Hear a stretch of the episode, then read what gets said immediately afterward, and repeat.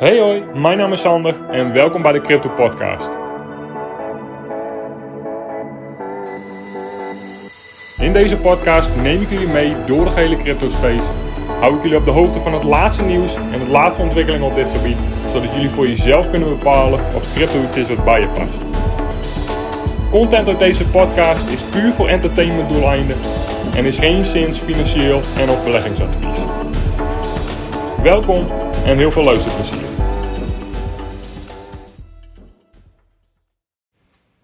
Oké, welkom bij seizoen 3, aflevering 55 alweer. Uh, we naderen het einde van het jaar. Uh, afgelopen week mooie prijsactie geweest in crypto. Mooie opgaande prijsactie. Allemaal natuurlijk in afwachting van die Bitcoin Spot ETF's in Amerika. Um, en waar wil ik het deze week eigenlijk even over hebben? Ik denk dat nog te weinig, met name mensen die net beginnen in crypto, maar ook kleine particuliere investeerders, te weinig beseffen. Uh, ik heb het natuurlijk heel vaak over die Bitcoin Spot ETF, uh, maar ik denk dat maar heel weinig mensen beseffen hoe belangrijk dit is. Maar ook hoeveel geld dit de markt binnen gaat brengen. En ik denk dat het lastig te snappen is hoe bepaalde mechanismes werken, uh, maar ook hoe belangrijk dit is voor de langere termijn potentie van Bitcoin. En heel veel mensen zijn alleen maar bezig met, uh, als straks die Bitcoin Spot ETF naar buiten komt, uh, eigenlijk de prijsactie op de dag zelf of op, op, op eh, op het feit dat het nieuws gelanceerd wordt. Maar dit is heel erg belangrijk voor de langere termijn potentie van crypto. Dit is heel erg belangrijk voor de langere termijn potentie van Bitcoin. En voor alle andere projecten die in de toekomst een spot ETF gaan krijgen in Amerika. Die spot ETF's hebben namelijk uh, fysiek tussen aanhalingstekens in hoeverre uh, een digitale munt fysiek kan zijn. Maar jullie snappen wat ik bedoel. Al die bitcoins, uh, die spot ETF's hebben fysieke tokens nodig om in die fondsen te stoppen. Dus als mensen via een ETF één bitcoin aankopen, moeten die instituties ook één bitcoin bezitten. En dit maakt het straks voor instituties, bedrijven, grote investeerders met namelijk heel erg makkelijk om via hun vertrouwde broker bitcoin aan te kopen. En alle andere cryptos die in de toekomst een spot ETF in Amerika gaan krijgen. En dat, dit, dat is echt een, uh, kijk er vooral eens kritisch naar. Uh, leer, studeer. Leer goed en besef je goed wat de langere termijn potentie, wat dit voor de langere termijn potentie van crypto betekent. Wat dit voor de langere termijn potentie van Bitcoin betekent. En voor alle cryptos die in de toekomst een spot ETF gaan krijgen. Want het stopt niet bij Bitcoin, lieve mensen. In de toekomst gaan veel meer veelbelovende projecten een spot ETF krijgen. Waarin grote instituties veel makkelijker uh, zonder allerlei gehassel van het opslaan, alle beveiliging die erbij komt kijken, om gewoon via hun broker bepaalde crypto-projecten aan te kunnen kopen. En de implicaties daarvan zijn enorm. En ik merk gewoon eens dat heel weinig mensen beseffen dat we aan de vooravond staan van waarschijnlijk misschien wel de institutionele boelmarkt. Ik heb dat in veel meer afleveringen ook behandeld. En uh, misschien herhaal ik weer heel veel dingen, maar um, dit is het moment waar we al die jaren eigenlijk op hebben gewacht. Um, zit, luister jij mijn podcast al een tijdje en heb je nog niks gedaan in crypto? Ja, dan begint de tijd te dringen om uiteindelijk een keer die knoop door te haken. Of uh, beslissingen te nemen of posities in te nemen. En dat hoeft niet met heel veel geld en dat hoeft ook niet in hele speculatieve projecten. Maar de tijd begint te dringen als je geïnteresseerd bent in crypto, als je mij al een tijdje volgt, uh, uh, ben je op een bepaalde manier bij crypto gekomen. Maar als je nog daarmee niks gedaan hebt, als je daarmee de afgelopen bearmarkt met, met die info niks gedaan hebt, als je niet geleerd, bestudeerd, uitgeprobeerd hebt, kleine posities hebt ingenomen om erachter te komen, hey, hoe werkt het? Wat is Bitcoin? Wat is Ethereum? hoe werken financiële markten? Begint de tijd te dringen. En we staan waarschijnlijk aan de vooravond van een van de grootste boelmarkten in de geschiedenis. En ik weet, het is een hele gevaarlijke uitspraak. En ik heb het dan niet eens over prijsactie of waar prijzen dan in de komende boelmarkt misschien naartoe gaan, wel of niet. Joh, dat is allemaal koffiedik kijken. Maar grote instituties zijn geïnteresseerd in crypto. Grote instituties zijn geïnteresseerd in bitcoin. Instituties, banken die een aantal jaar hebben eh, geleden nog zeiden dat uh, crypto, bitcoin één grote scam was, uh, totaal nul potentie had, beginnen nu massaal daar posities in te nemen, spot ETF's te lanceren en dat is echt gigantisch. Dus En dat is ook het uh, manipulatieve aan deze hele markt. Is mainstream media heeft het hier niet over, maar grote instituties zijn achter de schermen met hele andere dingen bezig dan jij in mainstream media ziet. sterker nog, mainstream media heeft het op dit moment nog niet eens over crypto. Straks in een volgende boelmarkt, als prijzen weer uh, als Bitcoin weer nieuwe records uh, neerzet, dan begint mainstream media weer een beetje over crypto te praten. En dan denkt uh, de buurman op de hoek van de straat ook ineens: hé, wat is crypto? Ik ben een genie, ik heb het wiel opnieuw uitgevonden. Ik ga daar eens even lekker in investeren. Terwijl je hebt twee jaar de tijd gehad om te leren, te studeren, te onderzoeken, te proberen, kleine posities in te nemen, erachter te komen: hé, hey, hoe werkt het? Wat is een exchange? Hoe moet ik crypto opslaan? Wat is veilig? Wat is niet veilig? Alles erop en eraan. Heb je twee jaar de tijd voor gehad om daarachter te komen. En heb je daar helemaal niks mee gedaan, begint de tijd te dringen. En misschien is dat wat ruw, misschien is dat ook wel wat hard. Uh, maar als je een beetje snapt wat crypto is, als je um, al een tijdje daarmee worstelt, als je uh, her en der wat gelezen hebt, wat onderzoek gedaan hebt, en je gaat daar uh, op de, op de korte tot middellangere termijn niks mee doen. Ehm, ehm, ja, misschien moet je het dan ook gewoon links laten liggen. Want waarom het risico lopen als straks de prijzen enorm gestegen hebben om dan weer opnieuw in te stappen? Waarom niet nu? Als je. Je bent hier bij deze podcast gekomen om een bepaalde reden. Um, dat voor iedereen persoonlijk, uh, dat is voor iedereen anders. Uh, maar op een bepaalde manier ben je op zoek gegaan naar informatie over crypto. Uh, dan, naderen we nu een beetje de precipice waarin uh, dit het moment is om daarmee iets te doen met die informatie of met die interesse of met zorg voor de toekomst of uh, wat je in de toekomst wil met je welvaart of je financiële situatie, et cetera, et cetera, et cetera. Eigenlijk het punt van deze podcast is, we naderen het einde van de bearmarkt. de markt begint te kantelen en nogmaals, er zijn heel veel discussies over. Alles is koffiedik kijken. Niemand kan in de toekomst kijken. Uh, maar uiteindelijk gaat er weer een boelmarkt plaatsvinden. Uh, heel veel mensen zeggen, joh, door al die onzekerheid in de wereld heb ik het de afgelopen keer volgens mij ook over gehad. Uh, renteverhogingen, Federal Reserve, centrale banken, Oekraïne, Israël, allemaal onzekerheid. Hoe kunnen we nou volgend jaar een nieuwe boelmarkt krijgen? Oké, dat laat ik dan een beetje in het, in het midden. Maar uiteindelijk, vroeg of laat, gaat er weer een nieuwe boelmarkt plaatsvinden. Zo werkt de business cycle, zo werkt de crypto cycle, zo werken uh, economieën, zo werken financiële markten, expansie, depressie, et cetera, et cetera, et cetera. Maar dan naderen we op een gegeven moment een precipice waarin je iets met bepaalde informatie moet gaan doen. Anders heeft het namelijk geen zin. Dan kun je, laat het dan maar links, uh, links liggen, zeg maar, en um, uh, besteed je tijd en energie aan dingen die uh, veel belangrijker voor je zijn. En die zijn er waarschijnlijk ook. Dus uh, gezin, familie, gezondheid, alles erop en eraan. Hartstikke belangrijk. Veel belangrijker dan investeren in crypto. Maar punt is, wil je iets met crypto, dan begint de tijd te dringen. Dat is eigenlijk het punt van deze aflevering. Dus wil je iets met crypto gaan doen, zie jij ook heb jij ook zorgen voor je welvaart in de toekomst? Heb je ook zorgen voor je financiële situatie voor de toekomst? En denk jij dat crypto daar een positieve bijdrage aan kan leveren? Dan begint de tijd te dringen. Um, als straks namelijk die spot-ETF's in de markt zijn, uh, grote instituties uh, hier massaal mee aan de slag gaan, um, ja, kunnen bepaalde prijslevels veel sneller gehaald worden dan iedereen denkt. En heeft het voor deze cycle al weinig zin meer om te gaan investeren.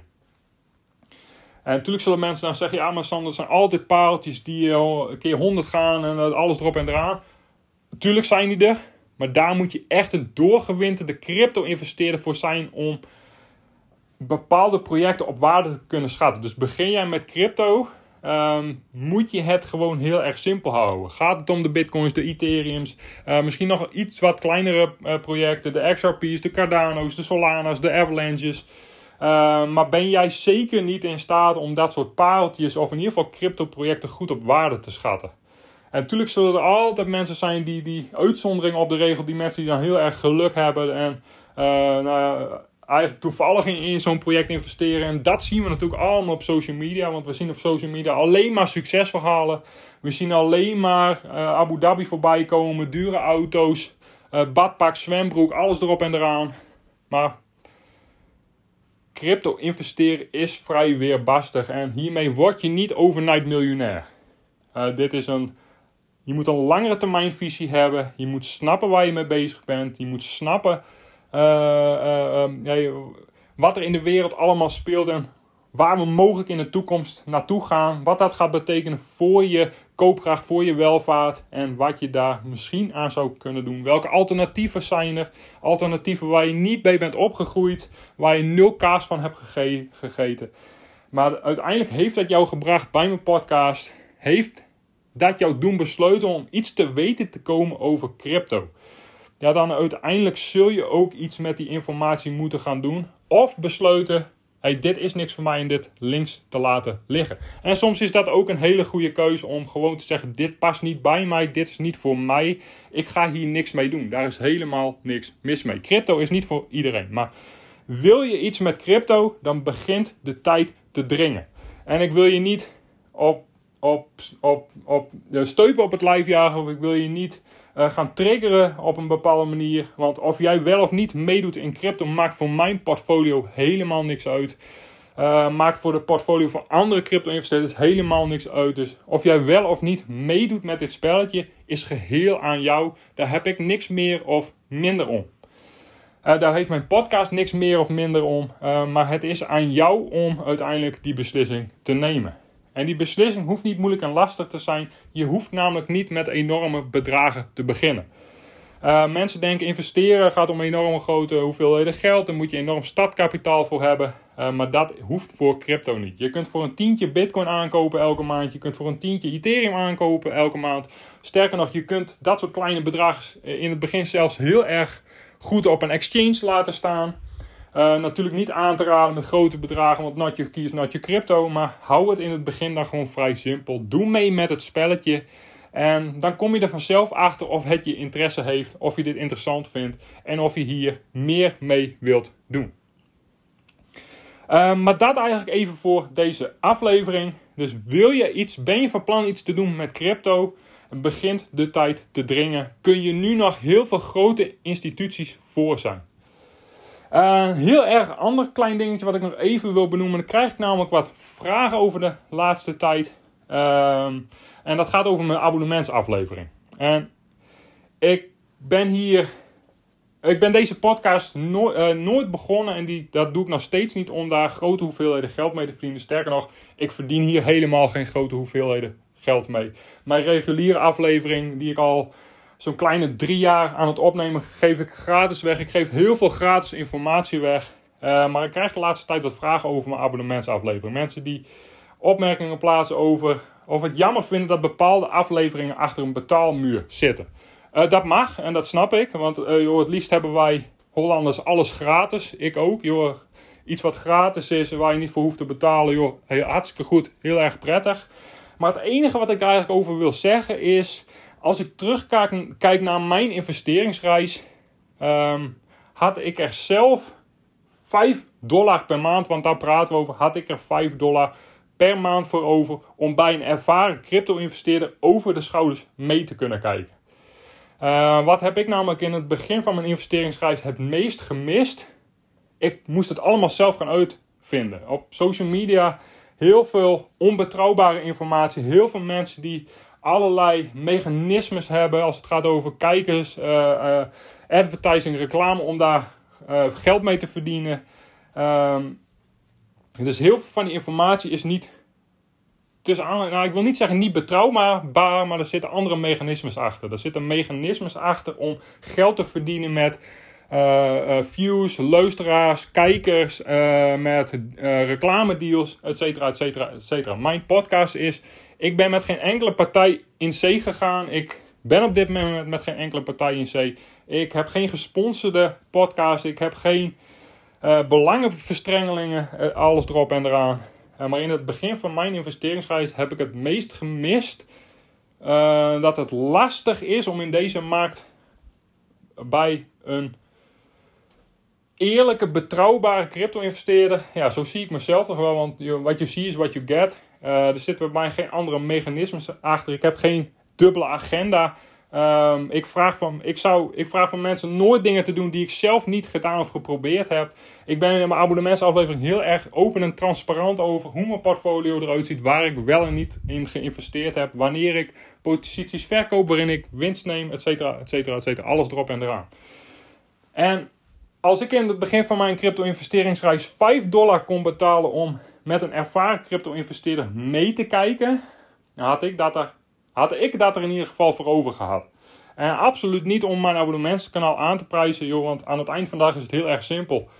Uh, vind je het wat, dan betaal je 5 dollar per maand. Vind je het niks, laat je het lekker uh, naast je, links naast je neerleggen. geef ik nog steeds heel veel gratis informatie weg. sterker nog, vind je het niks, kun je elke maand kun je het abonnement opzeggen.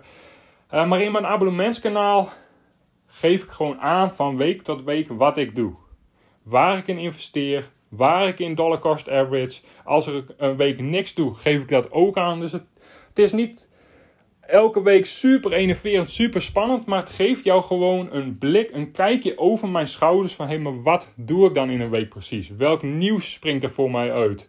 Uh, welke dingen springen er voor mij uit?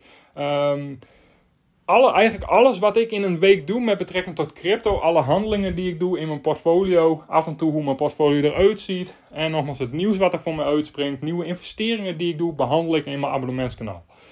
En ik denk, ja, ik, ik, vind, ik denk zelf dat het heel erg waardevol is om. Ja, ik, ik, ik ben gewoon een ervaren crypto-investeerder uh, inmiddels.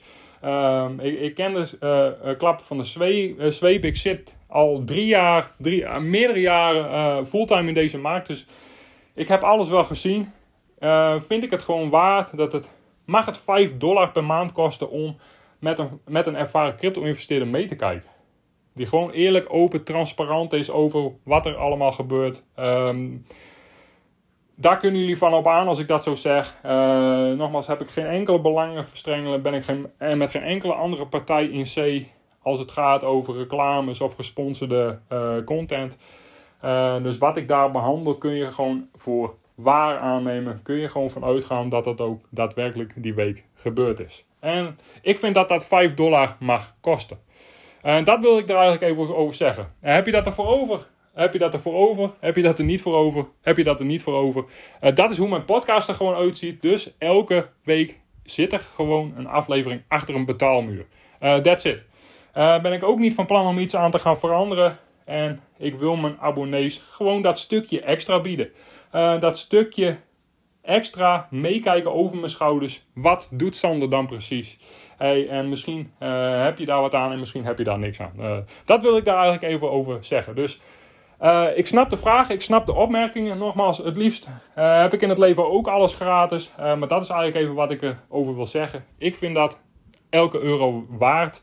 En het is aan jou om daar zelf het een en ander van te vinden. Of om te bepalen of dat iets voor jou is. Maar um, de bottom line is, de constructie blijft zo. Dus elke week ga je, als je niet in mijn abonnementsaflevering zit, een aflevering achter een betaalmuur terugzien.